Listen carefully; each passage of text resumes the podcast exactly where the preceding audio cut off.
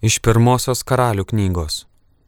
Karalius Saliamonas susišaukė į Jeruzalę Izraelio seniūnus, visus giminių vyresniuosius ir izraelitų šeimynų galvas, norėdamas perkelti viešpaties sandoro skrynę iš Dovido miesto, tai yra iš Sijono. Etenimo mėnesyje, tai septintasis mėnuo, per šventes pas karalių Saliamoną susirinko visi Izraelio vyrai Dalyvaujant visiems Izraelio seniūnams, kunigai pernešė skrynę kartu su apreiškimo palapine ir joje buvusiais šventaisiais indais. Kunigai ir levitai prieėmė nešėjų tarnystę. Saliamonas ir visa Izraelio bendryje susirinkusi pas jį prieš skrynę pjovė vis ir galvijus, kurių dėl daugybės nebuvo galima nei suskaityti, nei apskaičiuoti. Taigi kunigai pastatė viešpatę sandoro skrynę į jai skirtą vietą į Dievo buveinę tuose namuose, iš šventų švenčiausioje, po kerubinų sparnais. Mat kerubinai laikė išskėtę sparnus viršum vietos, kur stovėjo skrinė ir dengė skrinę bei jos kartis. Skrinioje buvo tik dvi akmens plokštės, kurias Moze buvo įdėjęs prie Horebo, plokštės sandoros, kurią viešpats buvo sudaręs su izraelitais išėjus šiems iš Egipto. Kada kunigai iš šventyklos išėjo, šventovę debesis pripildė, dėl to debesies jie nebegalėjo atlikti tarnystės, mat viešpaties šlovė pripildė šventovę. Tada Saliamonas pasakė, padangi jie viešpats įkurdino saulę, o pats panūdo patamsi gyventi. Todėl tau namus pastačiau kuo puikiausius, buveinė gyventi per amžinus amžius. Tai Dievo žodis.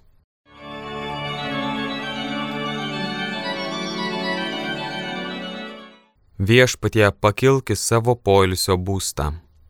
Štai išgirdom ją esant Efratoj, Jaro laukuos mes ją radom. Eikime ten, kur jis apsistojęs, pulkime knipsti prie jo papėdės. Viešpatie pakilki savo poilsio būstą. Viešpatie pakilki savo poilsio būstą, tu viešpatie ir tavo galingoji arka. Tegu kunigai iškilniai pasipuošia, tegu tavo liaudis džiūgauja, šaukia, todėliai Dovido dėl savojo tarno, savo pateptinio veido neniekink. Viešpatie pakilki savo polisio būstą. Alleluja,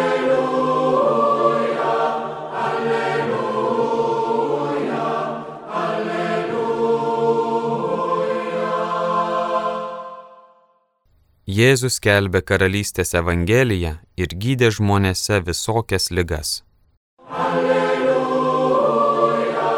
alleluja, alleluja.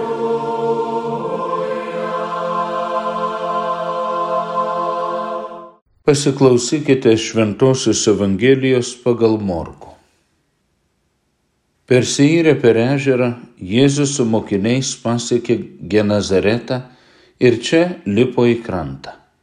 Jiems išlipus iš valties, žmonės to jau pažino Jėzų, paskelbė visą apylinkę ir pradėjo gabenti neštuvais ligonius ten, kur girdėjo jį esant.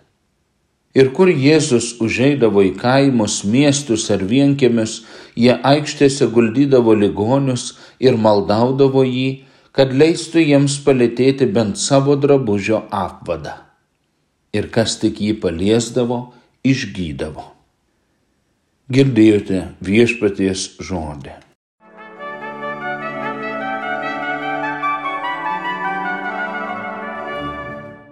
Klausausi šios dienos Evangelijos ir galvoju, Jėzus tiesiog stebuklingas gydytojas. Tai kodėl mes jo taip ir nevadiname? Kodėl sakom viešpats, gelbėtojas, išganytojas, Kristus mesijas, bet retai sakom stebuklingasis gydytojas? Reikia atsargiai su Evangelijos ištraukomis.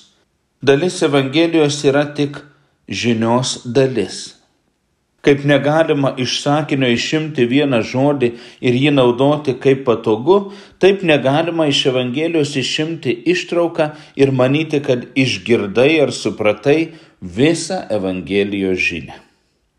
Bet ir šios dienos Evangelijos ištraukoje yra daugiau negu tik išgydymai.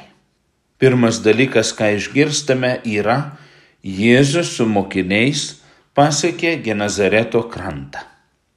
Taigi Jėzus keliauja ne vienas, jis su mokiniais. Taigi yra ir mokytojas, ne tik gydytojas. Tuo metu mokiniai su mokytoju leisdavo visą laiką. Kartu vaikščiojo, maitinosi, ilsėjosi. Viskas, ką mokytojas sakė ir darė, buvo mokymosi turinys. Būti Jėzaus mokiniu - tai ne tik klausyti, ką jis sako, bet ir gyventi taip, kaip jis gyveno.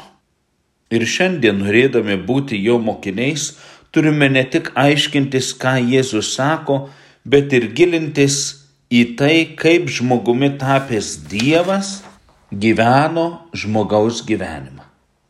Tai mums ir pavyzdys, ir pagalba suprasti, kas ir kodėl žmogaus gyvenimo kelionėje yra svarbu.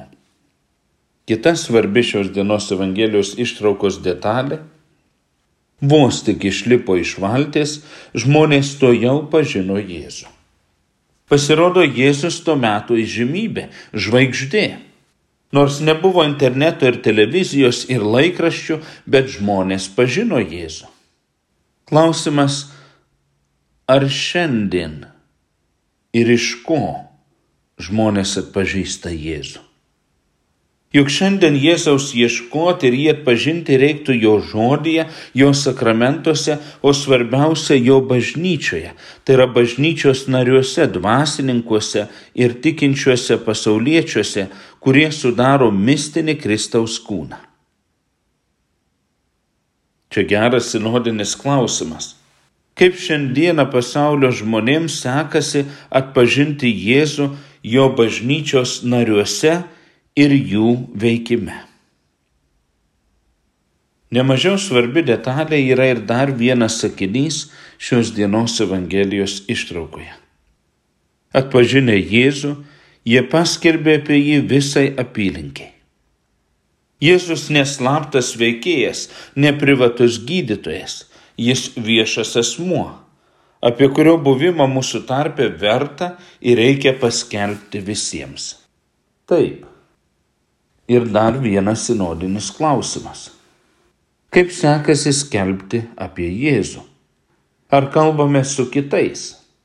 Ar dalyjame savo tikėjimo santykiu su Jėzaus nepažįstančiais aplinkiniais? Galiausiai, kaip man svarbu kalbėtis apie savo tikėjimą su kitais bažnyčios ir nebažnyčios nariais. Kaip matome, Jėzus ir jo Evangelija ne tik apie išgydymą ir apie sveikatos atgavimą. Pirmiausia, Evangelija ir Jėzus yra apie Dievo buvimą su mumis ir dėl mūsų, apie tikėjimą ir pasitikėjimą juo apie mūsų mokymą ir gelbėjimą nuo beprasmybės, nuo neišvengiamos baigties, nuo mirties, nuo nevilties. Galiausiai tai apie santyki, apie prisilietimą, kad ir prie jo drabužio apvado, kad gelbinti ir gydanti Dievo meilės gale mus pasiektų. O stebuklingoji krekinavos Dievo motina malonių versmė Lydėk mus sinodiniu keliu link susitikimo su Jėzumi, jo bažnyčioje ir per jo bažnyčią. Amen.